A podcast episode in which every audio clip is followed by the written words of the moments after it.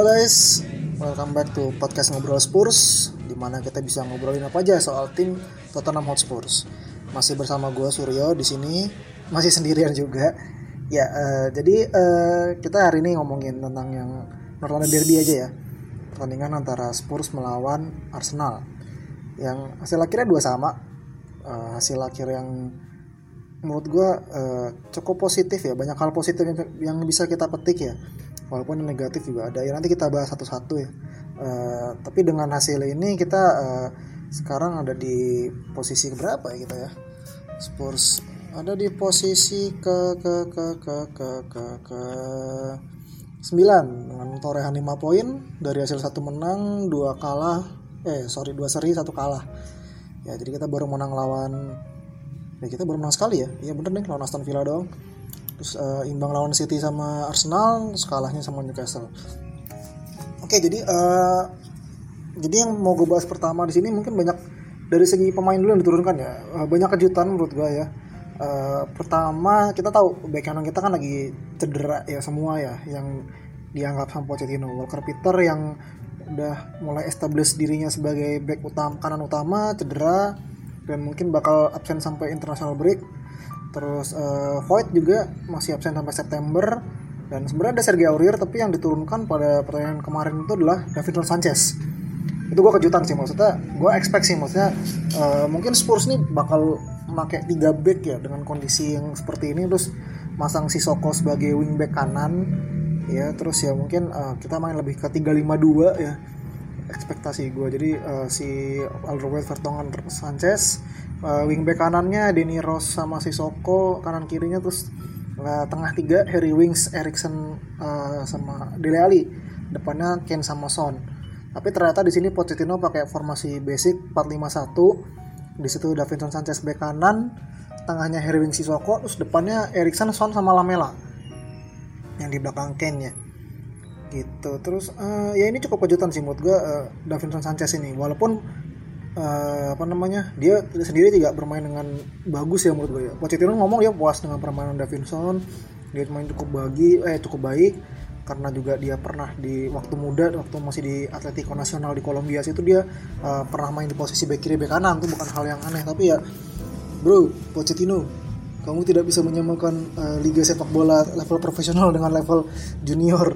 Ya kalau junior maksudnya emang fase mereka untuk belajar ya banyakin jam terbang banyakin menit main banyakin pegang bola di kompet, uh, level kompetitif ini udah level profesional di mana uh, result matter gitu. Hal-hal hasil tuh penting hasil akhir itu. Dan di sini Davinson Sanchez kelihatan banget sih terekspos banget ya. Mungkin di sini di awal-awal uh, gue pikir Unai Emery ini juga kaget ya. Mungkin dia expect sama kayak gue ya mungkin ya.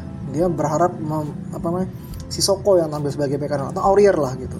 Jadi dia harusnya tuh mau target Sanchez tapi ya mungkin dadakan gitu loh kayak dia tahu si Sanchez bek kanan terus ternyata juga nggak bagus-bagus amat ya mencoba ditarget situ lah Aubameyang di situ. Tapi ya uh, mungkin karena skematik plannya belum ada jadi ya agak nanggung ya walaupun Aubameyang ini berapa kali ngewatin dia gitu Aubameyang terus si Kolasinac terus juga ada Guendouzi yang sering melebar ke kiri ya.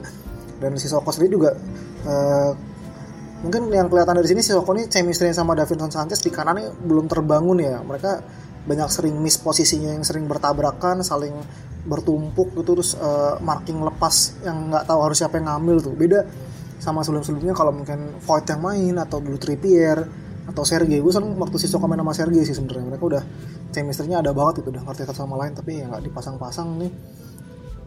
Jadi kemarin kelihatannya di situ yang agak membingungkan tuh. Ya si Soko sendiri juga tanggung jawabnya cukup besar di sini ya. Dia harus cover semua. Dia harus bikin uh, kasih backup buat Davinson sama Toby juga. Jadi Toby itu kemarin situasinya banyak ketarik ke kanan ya karena Sanchez yang bolak-balik kelewat ya. Ya walaupun gua akui juga Toby kemarin main cukup bagus ya solid. Dia seperti biasa lah emang back kelas lah itu. Gitu tapi ya uh, maksud gua ini uh, suatu skema yang kalau bisa jangan diulang lah. Ini mungkin kedua terburuk setelah Son jadi uh, back uh, apa wing back kiri ya. Itu David Son lebih jelek daripada Eric Player jadi back kanan. Mungkin udah selevel sama Jonathan Woodgate kali atau Yones Kabul waktu di back kanan memang nggak bisa lari. Ya maksudnya Sanchez ini cukup cepat buat back tengah tapi bukan standar cepatnya uh, seorang fullback gitu dia juga punya postur yang terlalu gede ya gitu ya mungkin buat nggak punya agility buat uh, sebagai back sayap ya. Terus juga ya yang jelas kelihatan tuh dia nggak punya ball control sama passing-passing dekat yang oke okay ya. Berapa kali build up play kita mulai dari Sanchez tuh banyak yang kepotong banyak yang keputus. Jadi kita nggak bisa manfaatkan sisi, sisi sebelah situ gitu. Kita banyak langsung main direct ball juga sih sebenarnya. Yaitu taktikal juga gitu. Terus hmm, kemudian uh, Vertonghen akhirnya balik lagi ke starting line up uh, jadi dia dipasang di tengah sama Toby Alderweireld. Ya emang kemarin bukan salah satu penampilan terbaik Vertonghen ya. Tapi di sini kalau yang gue lihat ya mungkin gue agak pendapat bias karena Vertonghen ini salah satu pemain yang gue suka di Spurs tapi kelihatan kok. Maksudnya dia uh, intelijensi dia pemain dia uh, permainan dia tuh ada gitu. Maksudnya dia dia tahu harus cover posisi mana tacklingnya dia mungkin uh, idenya maksudnya di pikiran dia tuh udah tahu mau gimana tapi ya mungkin karena dia belum bermain di level kompetitif ya untuk waktu yang cukup lama ya di situ yang kelihatannya tuh. Ya mungkin tuh di situ adalah missnya Pochettino gitu. Menurut gue tuh kemarin harusnya lawan Newcastle tuh kalau Vertonghen main ya mungkin dia udah bisa dapat sense match match sense-nya dia udah balik udah naik lagi udah nyobain level pertandingan level kompetitif hasil yang penampilan di hari ini beda gitu. Ya mungkin gue dari Lacazette sendiri juga bisa dicegah dengan lebih baik oleh Vertonghen atau mungkin dia juga eh, nggak uh, kecolongan posisi ketika golnya Aubameyang gitu. Walaupun kalau kita lihat dari bigger picture-nya ya secara lebih uh, gambaran lebih luasnya tuh ini kesalahan kolektif sih sebenarnya menurut gue ya dua gol ini. Gitu. Tapi gue senang Vertonghen balik lagi mudah-mudahan juga bakal lebih sering dimainkan ya. Karena ya kita tahu Vertonghen ini ya back bagus gitu apalagi mengingat ketika duet Toby sama Sanchez di tiga pertandingan pertama ini yang begitu apa ya banyak kecolongan gol-gol yang harusnya bisa dicegah ya bisa diantisipasi dengan lebih baik dan uh, terus yang gue suka dari Vertonghen adalah dia bisa bawa bola itu loh. Jadi kalau ketika kita melawan tim-tim yang uh, levelnya di bawah kita dia bisa menangkan dengan dribblingnya dia gitu. Dia bisa bawa bola sendiri dia bisa berperan sebagai uh, semi box to box midfielder ketika dia naik gitu Nah ini kualitas yang ditawarkan sama duet Vertonghen Alderweireld gitu. Jadi Vertonghen bisa ikut menusuk, jadi gelandang-gelandang kita juga sega, lainnya bisa ikut naik sedikit. Uh, sedangkan Toby bisa kirim umpan-umpan lambung yang ajaib-ajaibnya itu. Itu dua-duanya uh, sama-sama kita bisa intinya bisa bangun serangan dari belakang gitu. Dan juga mungkin sini yang kelihatan juga adalah kita uh, dengan Toby sama Alder, eh, Toby sama Vertonghen ini ya, yang dua-dua itu merupakan ball playing midfielder. Jadi uh, apa namanya? Uh, ini nggak ngaruhnya ke build up play kita gitu. Kelihatan dari babak pertama tuh taktiknya Pochettino itu sebenarnya simpel tapi efektif banget menurut gue ini uh, salah satu penampilan yang cukup oke di babak pertama ya ini. Uh, jadi kita tahu emang Arsenal ini punya masalah masalah di defensive line mereka ya yang berantakan ya. Dan itu yang dikejar sama diincar sama Pochettino. Dan mereka main dari dekat banget mereka bahkan bikin goal kick itu dari bener-bener kotak 6 yards itu yang kecil itu. Loris kayak oper ke Toby Toby ke Vertonghen. Nah dari situ dia mulai main tujuannya lah buat narik si tiga penyerang depannya mereka buat ngepres sampai depan banget. Ya itu kan pancingan banget kan. Kalau mereka dapat bola di situ uh, mereka bisa langsung bikin gol gitu. Sebuah peluang. Dan emang ada satu kesalahan juga sempat terjadi ya sama Hugo tapi sih waktu itu. Untung nggak jadi gol ya gitu. Tapi ya garis besar taktiknya seperti itu. Dan nanti dia bisa dari Vertonghen bisa kirim bola ke entah ke wings entah ke Rose atau entah dia buka sayap ke kanan ke Sanchez walaupun itu nggak berjalan dengan baik ya dan di situ ada uh, Son di kiri yang banyak uh, bikin lari-larinya dia itu. Dan itu efektif banget Son berapa kali di babak pertama tuh bikin eh, pergerakan-pergerakan yang merepotkan. Terus ya kayak gol yang terjadi gol pertama itu itu juga itu bagus banget. Itu uh, apa namanya sebuah contoh real dari taktiknya Pochettino ini ya. Dari kirim bola dari belakang terus itu Harry Kane menangin bola udara. Terus di situ uh, Son dapat bola terus Son lari ke Lamela terus Lamela juga larinya gue akui dia bikin diagonal runnya tuh bagus banget. Sebuah pergerakan off the ball tuh yang ya kalau gue kemarin sempat bahas juga yang nggak ada di Lukas Mora ya itu pergerakan off the ballnya ini dari si Lukas ini. Itu bisa ditawarkan sama Lamela dia dapat bola tuh ke kanan dia tuh langsung nggak banyak apa ya ngedelay dia langsung tendang aja. Dan beruntungnya tuh uh, Leno nepis bola terus di situ juga Sokratisnya nggak miss sama Erikson ya Erikson bisa dapat bola reboundnya gitu. Itu gol yang skematik banget yang bagus ya menurut gue skema yang bagus. Terus kemudian gol kedua juga dari penalti Kane. Yang di situ yang gue sorot adalah pergerakan dari Harry Wingsnya yang bagus ya buat ngelawatin Maitland Niles-nya uh, sama juga walaupun ada faktor kebodohan dari Saka ya tapi ya yang penting gol hasil akhirnya.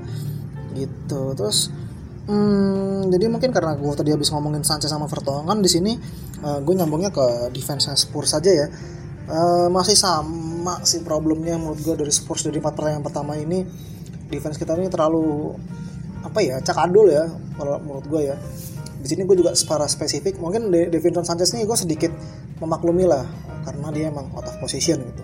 Tapi di sini Denny Rose yang gue nggak habis pikir dia udah kelihatan penurunan performanya banget ya apalagi pertandingan hari ini gue dulu suka maksudnya Denny Rose ini gue bisa memaklumi dia ya karena dia habis cedera panjang tuh pasti merusak performa dia banget gitu. Main habis cedera panjang tuh pasti berubah mainnya.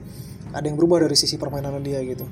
Oke lah tapi di sini gue seneng Rose yang dia uh, dia punya speed punya jumping power juga buat jadi sweeping bola-bola udara. Terus juga dia bisa ngedrive ngedrive di depan gitu walaupun ya output final threatnya nggak ada tapi dia bisa ngasih threat lah bisa ngasih ancaman. Tapi di pertandingan hari ini dia nggak bisa kasih itu sama sekali beberapa kali hilang bola terus juga hmm, kayak gol pertamanya Arsenal ya gol Lacazette ini juga harusnya kan si Rose yang clear, clearance dulu ya kalau nggak salah. Terus jatuh ke Arsenal terus pindah ke Sanchez Sanchez juga clearance juga gagal gitu. Ya itulah maksudnya itu harusnya gol-gol yang bisa cegah gitu. Terus juga kayak gol kedua itu juga kalau lihat dari sekilas positioning itu ya ya emang kelihatannya pertongan yang kecolongan tapi ya harusnya yang marking si uh, PP eh, PP Aubameyang tuh ya si Rose gitu karena dia punya pandangan yang lebih luas gitu. Si Aubameyang tuh depan dia gitu. Atau kalau dia nggak mau ngejar dia juga bisa teriakin si Vertonghen harusnya. Buat uh, kalau kasih tahu kalau si Aubameyang lagi bikin uh, apa namanya pergerakan di situ. Gitu itu space yang kata cukup gede gitu. Dan gue nggak bisa sepenuhnya menyalahkan Vertonghen karena emang tuh si Aubameyang tuh uh, ngambil posisi di belakang dia gitu. Harusnya Ross yang bisa lebih uh, baik dalam mengantisipasi gitu. Dan ya mungkin abis international break ini juga gue dan ada kesempatan juga ya lawan tuh abis ini mau lawan siapa sih? Crystal Palace ya next gamenya ya. Crystal Palace abis itu kita uh, bertandang ke siapa namanya? Colchester United ya. Kalau si siapa namanya? Sesenyon David di situ nggak ada salahnya boleh coba menurut gue lawan Colchester ini. Lawan Palace ya mungkin gue juga nggak masalah kalau Davis yang main. Davis ini mungkin uh, secara fisik secara mm, teknik juga nggak bagus-bagus sama tapi dia tuh punya otak menurut gue sih. Dia dia uh, dulu gue oh waktu itu gue belum bikin podcast sih gue sering bilang gini dulu uh, si Trippier sama Davis ini dua-duanya adalah uh, very limited player pemain yang sangat terbatas uh, skill set kemampuan yang mereka. Tapi bedanya adalah Trippier musim lalu ini dia memaksakan hal-hal yang di luar kemampuan dia. Sedangkan Ben Davis itu dia dia tahu keterbatasan dia dia bisanya apa ya udah dia main di situ gitu dia nggak bisa ngedrive ya dia nggak maksa ngedrive.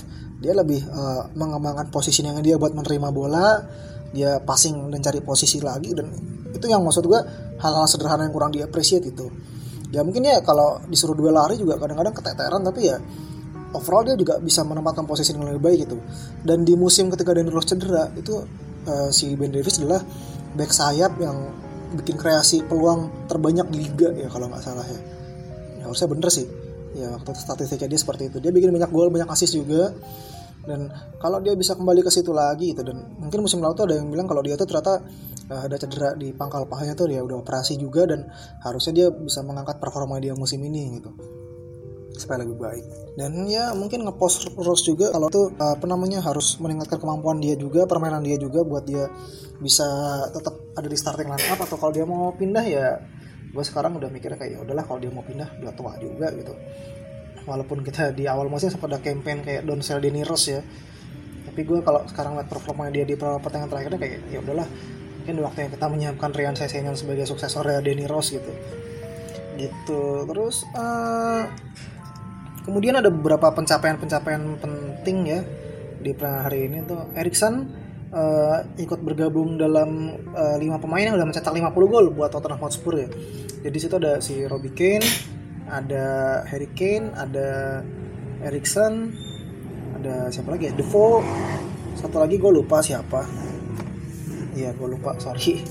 Nggak, gue kurang kurang hafal kalau trivial trivial hal-hal trivial kayak gini terus juga Harry Kane juga punya pencapaian dia uh, jadi pemain terbanyak ya di yang mencetak gol di apa namanya North London Derby dengan 10 gol. Uh, masih menyamai dari Adebayor dan siapa ya? Lupa itu udah dua lagi kalau nggak salah.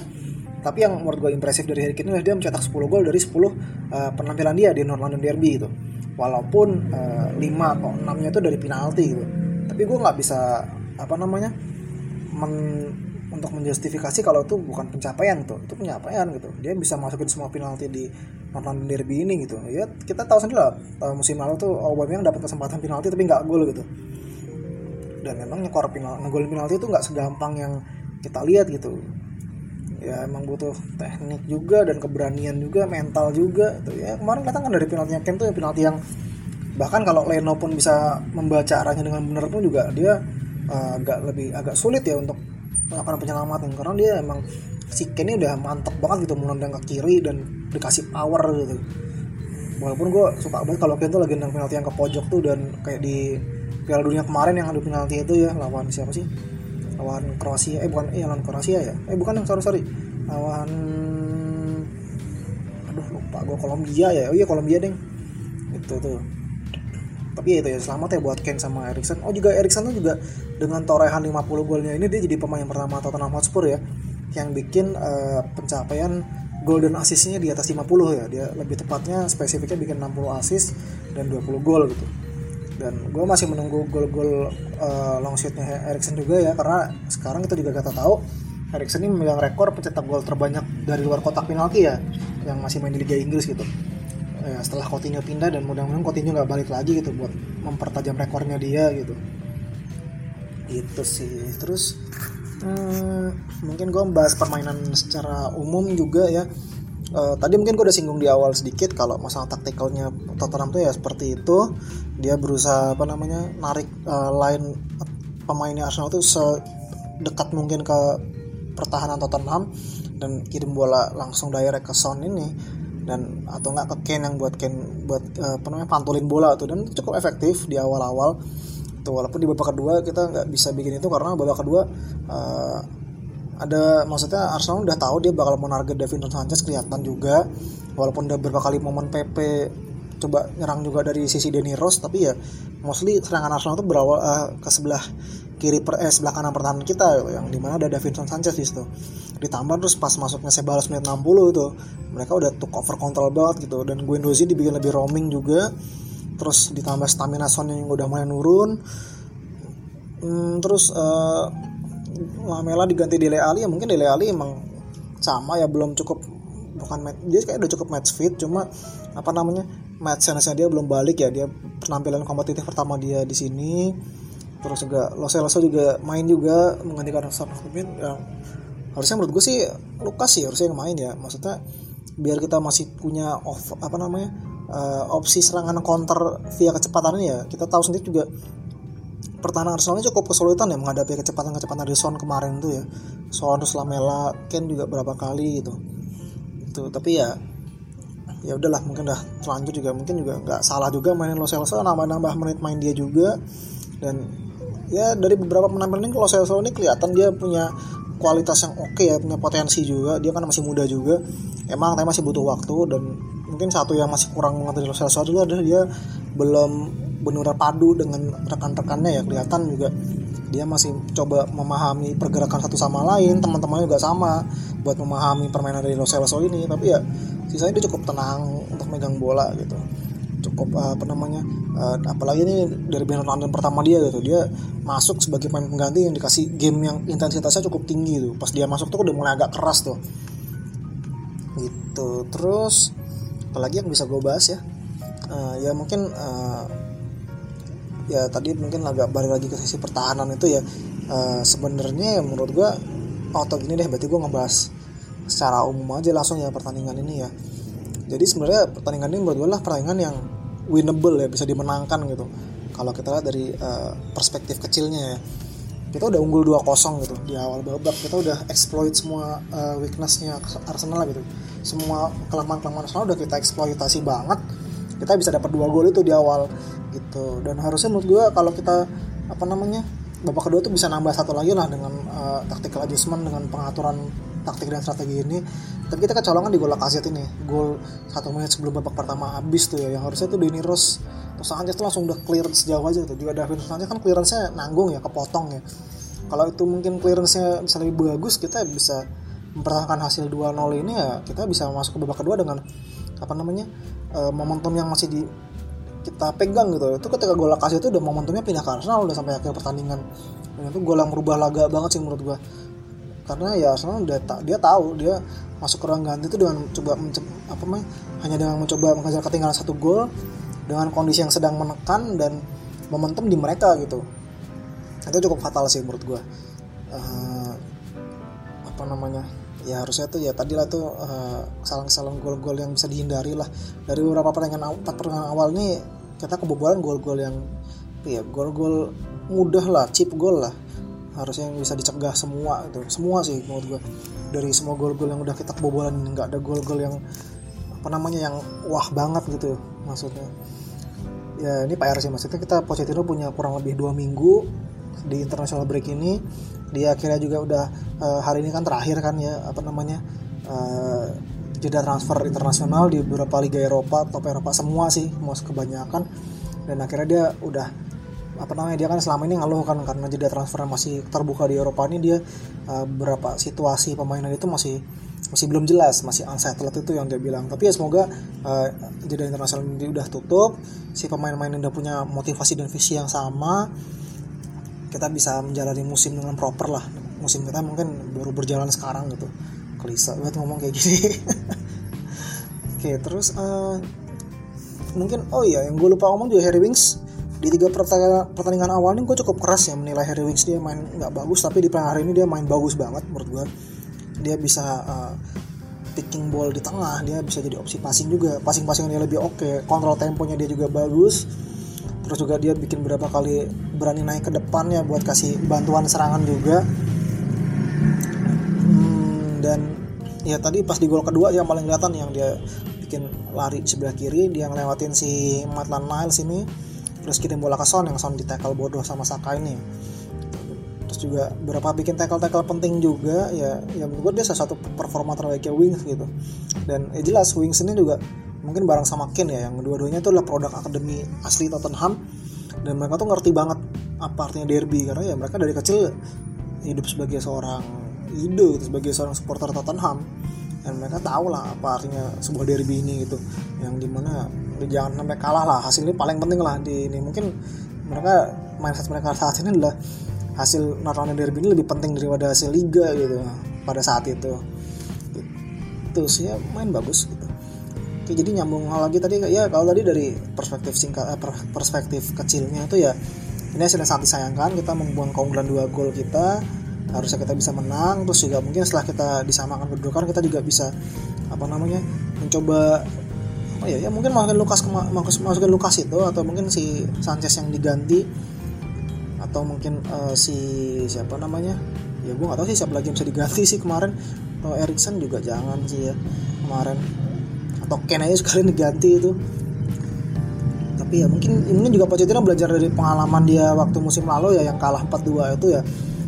Mereka udah unggul duluan 1-0 dibalikin 2-1 satu ya atau atau dua sama deh dua sama dulu deh dua sama terus pas kalah tiga abis itu mereka coba sedikit lebih ofensif dengan pergantian pemainnya tuh ya hasilnya malah justru sebaliknya kita uh, kalah 4-2 gitu dan mungkin yang dihindari sama Pochettino kemarin itu itu tapi dari uh, perspektif besarnya itu hasil yang positif.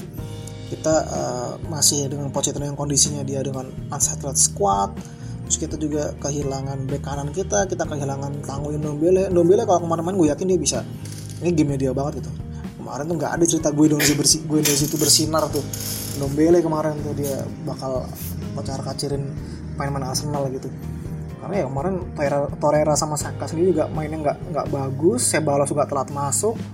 Dan ya harusnya tuh bisa lebih kontrol game lebih kontrol permainan banget lah. Ya kemarin kita nambah Dombele ya si Soko jadi backup itu menurut gue udah udah kita bisa kontrol game banget tuh pada pertandingan kemarin itu gitu. Tapi udah mungkin uh, positifnya banyak yang bisa kita lihat juga. Tadi ya ini kita di empat pertandingan awalnya cuma memetik 5 poin gitu. Satu menang dua kali seri satu kali kalah gitu.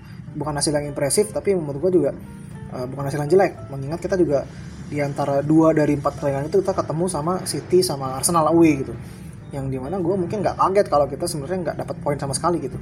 Musim lalu kita kalah sama City di Etihad 1-0 sama Arsenal kita kalah 4-2 tapi musim ini kita bisa memetik dua poin gitu di dua stadion ini gitu. Dan tuh hasilnya cukup positif peningkatan ya. Emang kalau sama Tottenham ini kita nggak boleh kita samakan perspektif dengan kita mendukung MU mendukung City mendukung Barcelona Real Madrid.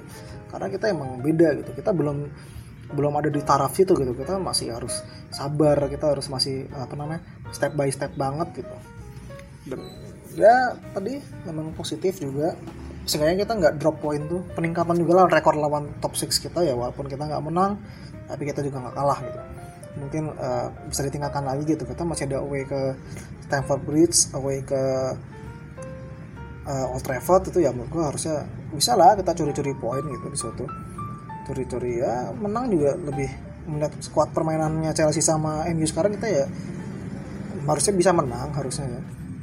Ya mungkin yang mungkin agak sulit ke, kita ke Anfield tapi kita juga beberapa kali beberapa tahun di Anfield juga kita sebenarnya bisa memberikan perlawanan juga ya, ya ditunggu aja lah kita harus sabar nih apalagi habis ini international break.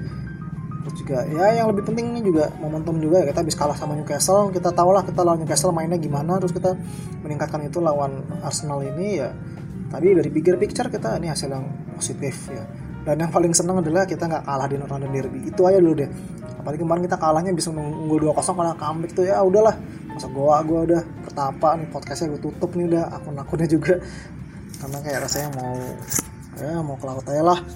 Gitu. Terus juga uh, international break kita gue senang sih. Maksudnya gue selalu bete gue tuh musim lalu tuh karena kita kalah itu sebelum international break gitu. Lo melewati dua minggu tanpa Tottenham dengan mood yang lo habis kalah gitu. Mood lo masih kalah terus nih. Belum berubah. Tuh itu kita nggak terjadi di sini gitu. Itu cukup ya cukup seneng lah gitu. Ya sekarang uh, di sini kita international break gue harap juga main-main yang dipanggil tuh banyak ya. Uh, dari Inggris ada Danny Rose, Harry Wings, Harry Kane ya semoga mereka juga pulang nggak dengan cedera. Erikson kabar terbaru juga dia udah berangkat ke Denmark yang juga memperkecil kemungkinan dia untuk ngurus kepindahan gitu. Karena dia sekarang uh, harus jalan ke timnas. Tapi ya kita nggak tahu lah. Masih semuanya tuh nggak ada yang impossible gitu. Kalau dia mau pindah ya udah gitu. Terus juga hmm, Vertonghen Alderweireld juga dipanggil ke Belgia. Prancis ada Sissoko Loris sama Sanchez juga. Argentina ada yang dipanggil gak ya?